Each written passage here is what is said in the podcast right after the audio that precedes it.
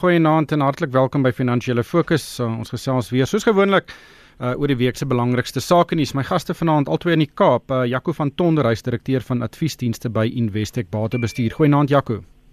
Goeienaand Ryk en goeienaand aan die luisteraars. En ook Igopie Pinaar, hy's ekonom by die Buro van Ekonomiese Onderzoek wat verbonde is aan die Universiteit van Stellenbosch. Goeienaand Igo. Goeienaand. Igo, ek wil sommer by jou begin. Beerdkrag, ons het hierdie week skielik uit die bloute uit beerdkrag gekry. En uh ons het gesien wat in die in die tweede kwartaal in die eerste kwartaal gebeur het, die ekonomiese impak van beerdkrag. En daar was 'n uh, geweldige reaksie. Ek het 'n klein ondernemings gehad wat my gebel het en in trane gesê het hulle kan nie besigheid doen nie. Hulle het oone masjinerie wat hulle aan die gang moet hou. In die oomblik as daar onsekerheid is oor kragvoorsiening, dan moet hulle basies hulle deure toemaak tot dit herstel is. Uh hoe hoe, hoe sien jy hierdie beerdkrag in die konteks van die ekonomiese prestasie wat ons al hierdie jaar gesien het?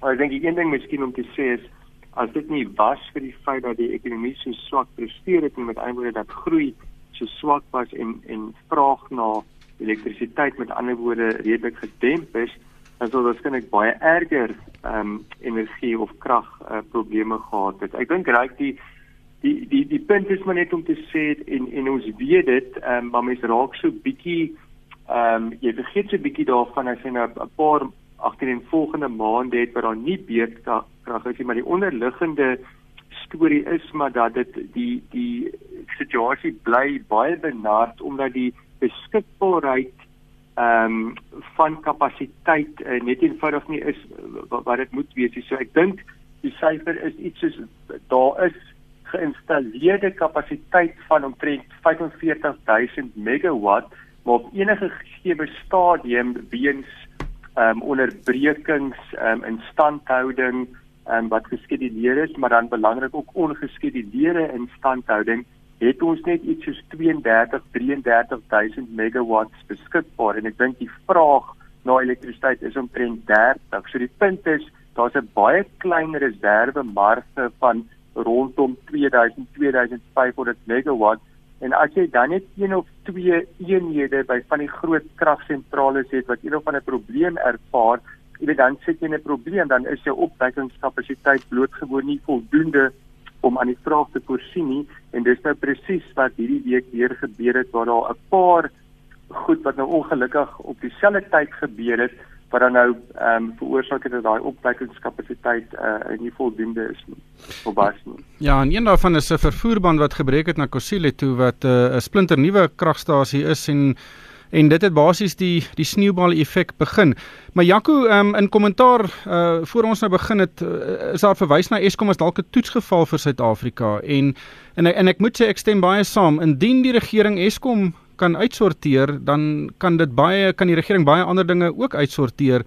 En dit is eintlik ironies want daar moet baie ongewilde besluite geneem word om Eskom reg te maak. Daar moet ehm um, die die uh, aantal personeellede moet dramaties verminder word. Ehm um, daar moet van die kragstasies verkoop word insluitende Kusile en Medupi heel moontlik om die skuld te verminder en uh, daar moet kontrakte met die private sektor gesluit word om krag van die private sektor af in te koop. Dis ongewilde besluite maar as hulle dit kan regkry, dink ek kan dit 'n goeie boodskap vir die hele regering wees. Ja, ek ek dink ek dink dit is uit en uit 'n toetsgeval. Ehm um, die die ehm um, ANC en en al hulle geaffilieerde uh politieke partye wat wat onder hulle vaandel opereer uh hierdie is 'n toets om te sien of hulle die regte besluite kan neem wanneer dit tel en ek dink ons ons is besig om my tyd uit te hardloop um, met Eskom.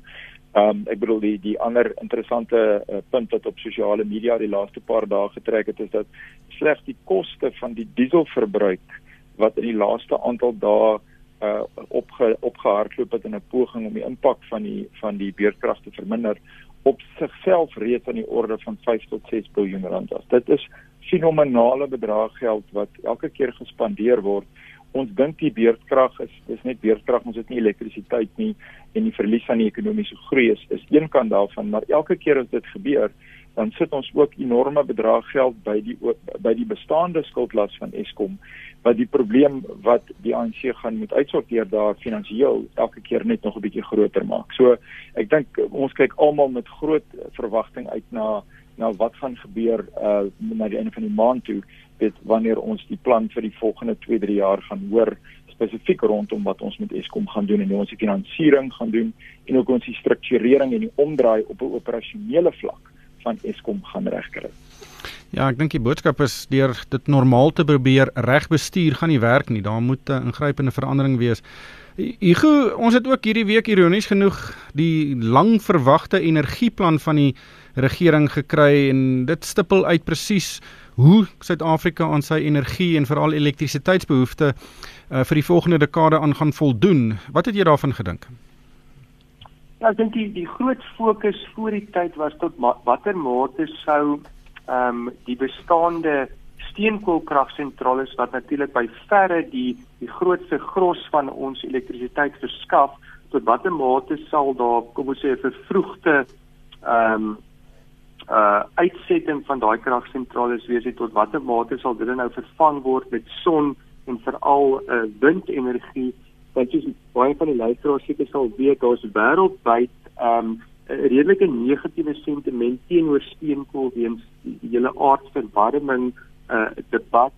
Um so Suid-Afrika word ook nou geforseer ondanks die feit dat ons heelwat um reserves van steenkool het um om meer na sogenaamde groen energie te beweeg en dit is inderdaad dat hierdie plan in die vooruitsig stel so net om om jou idee te gee waar ons vandag staan in terme van kap, uh, opwekkingskapasiteit is rondom 70% van daai opwekkingskapasiteit kom van steenkool af net omtrent 7% van son en wind. Nou die plan stel in vooruitsig dat teen 2030 lyk daai syfers net oor die 40% vir steenkool en oor die 30% hier rondom 34% vir son en wind. So dit is dit is 'n groot ehm um, uh, verandering En as ons by hierdie plan sou hou, dan sou dit tot wesenlike uh investering um, in groen energie lei wat natuurlik 'n uh, soort kan gee uh vir BBT groei. Die groot vraag natuurlik is net tot watter mate die private sektor toegelaat gaan word om hierdie investering te doen want daar is geleide dat dat die veral die ANC en hulle verkiesings van dit fees by die punt gemaak het hulle eintlik wil hê dat Eskom uh die die die dryfveer moet wees vir hierdie uh groen energie. En gegee die waarom ons nou net gepraat het die probleme by Eskom sou mens dink dat jy weet jy moet eintlik die die vaandel nou oorgee vir die private sektor om um, om die ding te dryf. Maar natuurlik as mens dit doen dan is daar nie eintlik 'n uh, veel van 'n um, vooruitsig vir vir Eskom om regtig um, volhoubaar te wees. So dit is weer eens jy het genoem daar's baie moeilike besluite wat geneem moet word en hierdie hierdie dink ek uh, is maar net deel van van daai pakkie Ja, ehm um, Jaco, ek dink dis kritiek. Uh, die die plan moet die risiko van Eskom verminder. Ek, ek dink daar moet 'n balans wees tussen watter elektrisiteit uh, Eskom opwek en wat uh, die private sektor opwek en daar moet 'n balans wees tussen wat betaal word vir daardie elektrisiteit. En en dit het nie vir my duidelik uit die plan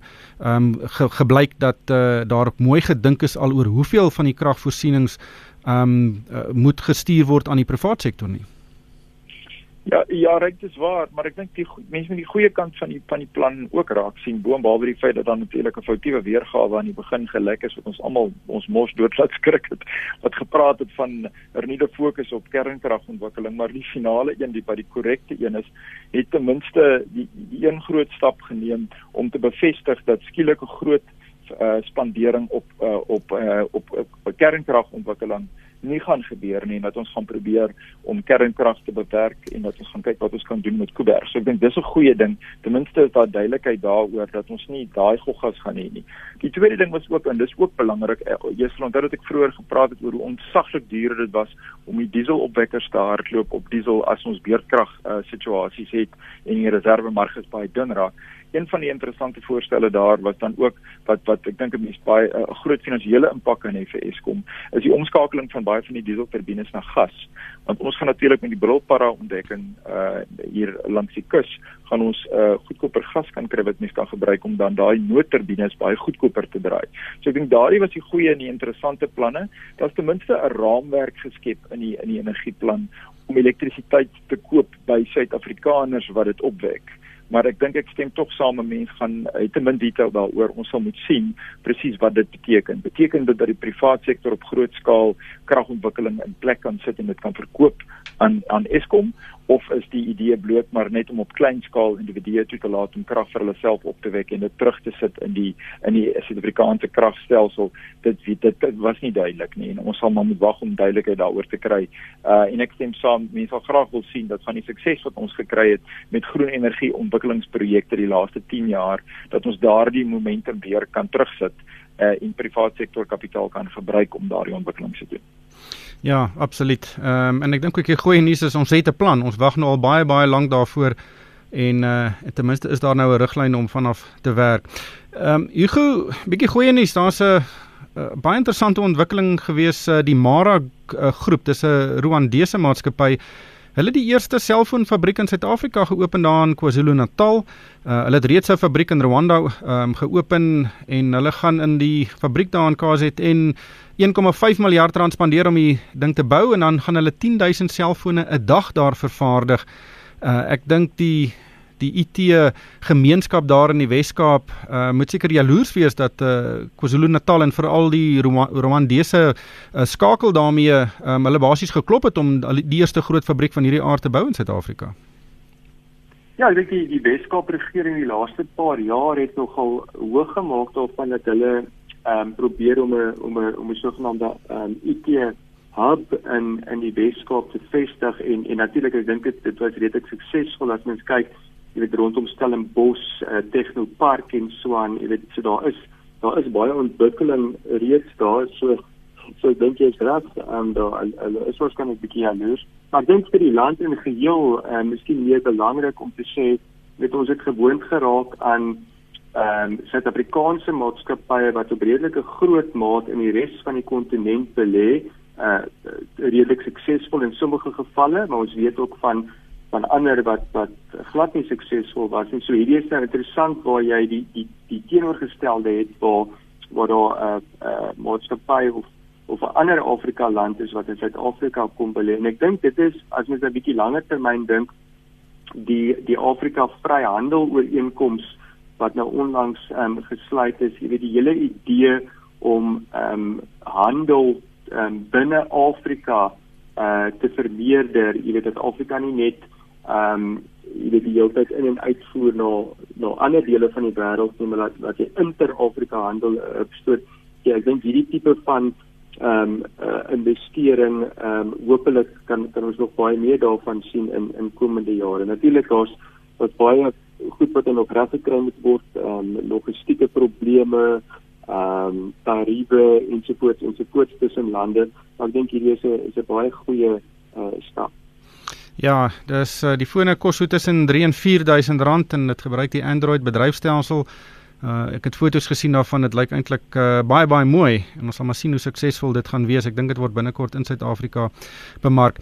Jaco, ehm um, die CP tussen Pieter Moyo en Old Mutual het ook hierdie week nog 'n hoofstuk bygekry en dit is Pieter Moyo wat hofstukke ingedien het in sy saak teen Old Mutual en hy sê die Old Mutual se direkteure moet skuldig bevind word aan minagting van die hof en hy dink dit is billik dat hulle so wat 6 maande lank tronk toe gaan. Uh, wat het jy gedink van die jongste ontwikkelings? Ja, right, ek, ons gesels omtrent nou al die laaste 2 maande elke keer uh, oor die volgende uh, hoofstuk in die saak.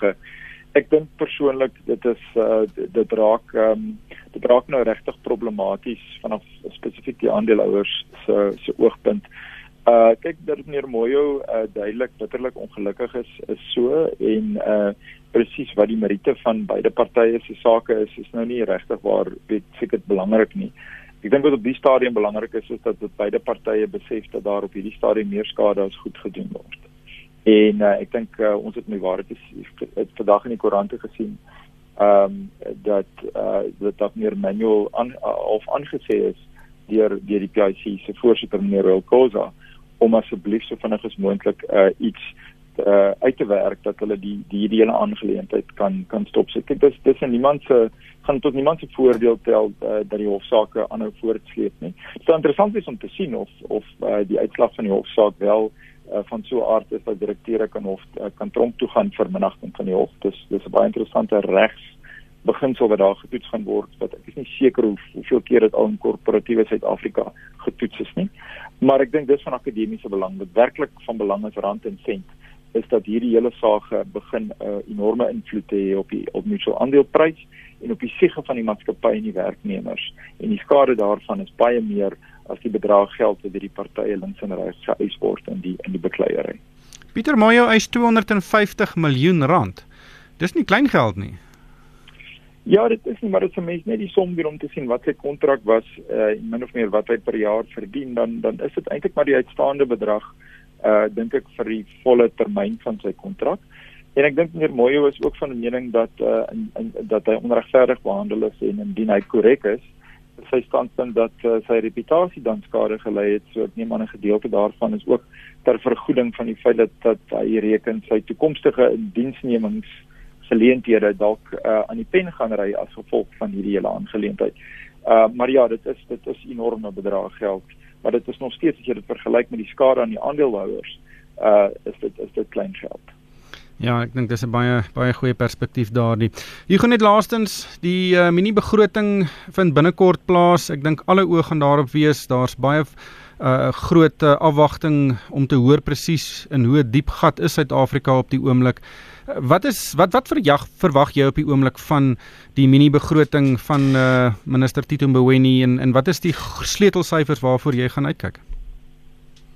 Ek dink die sleutel die sleutel is maar net om uh, wel twee goed. Ehm um, wel, 'n klomp eintlik. Maar belangrik is tot watter mate op hoe groot is die inkomste gat want ons het nou reeds syfers vir die eerste 5 maande van die huidige finansiële jaar en dit wys dat staatsinkomste maar met 3% jaar op jaar in daai 5 maande gegroei het. Die verwagting in Februarie vir die volle jaar was 9%. So dit gee net 'n aanduiding van hoe hoe erg ons besig is om onder te presteer aan die inkomste kant. En dan natuurlik uh, weet ons van die groot uitgawes um, veral uh, vir Eskom. So dink waarna die finansiële markte veral gaan kyk is ehm um, wat stel die tesourier in die vooruitsig oor die volgende 3 jaar um, om aan die bestedingskant. Hulle kan nie veel aan die inkomste kant doen nie want tot 'n mate is dit maar ehm um, hang dit af van wat hoe die ekonomie uh, presteer en ons gegee hoe vrot die ekonomie doen is daar baie min ruimte in in, in ons opinie uh, vir wesenlike belasting uh, verhoging. So dit gaan maar kom aan die uitgawe kant en en en waar kan ons sny daar? Ehm um, jy het juist vroeër na Eskom na hulle salarisrekening verwys. Nou die staat in in die geheel is in dieselfde prentjie op in dieselfde posisie dat eintlik albe ons regtig kan sny en waar ons behoort te sny is aan die salarisrekening. Maar natuurlik polities is dit nogal moeilik uh, om te doen. So ek dink dis maar waar die groot fokus kan wees. Op watter mate kan daai loonrekening uh, oor tyd uh, afgebring word? Maar oor hoogsryk dink ek die ehm um, ek dink die mark staal homself reeds vir ehm um, 6% uh, begrotingstekorte uh, definitief vir hierdie jaar, waarskynlik volgende jaar ook en soos ek sê dan dan is dit tot watter mate kan daai tekort oor tyd uh, afgewerk word. Ja, net so 'n bietjie meer as 'n dekade gelede het ons 'n begroting surplus gehad. Uh dis gaan 'n lelike syfer wees 6%. Maar ongelukkig het die tyd ons ingehaal. Baie dankie aan Jaco van Tonder, hy is direkteur van adviesdienste by Investec Batebestuur en ook Hugo Pinaar, hy is ekonom by die Buro van Ekonomiese Onderzoek wat verbonde is aan die Universiteit van Stellenbosch. En daarmee moet ons groet uh, van myself Ryk van die Kerk. Dankie vir die saamluister en ek hoop almal 'n winsgewende week.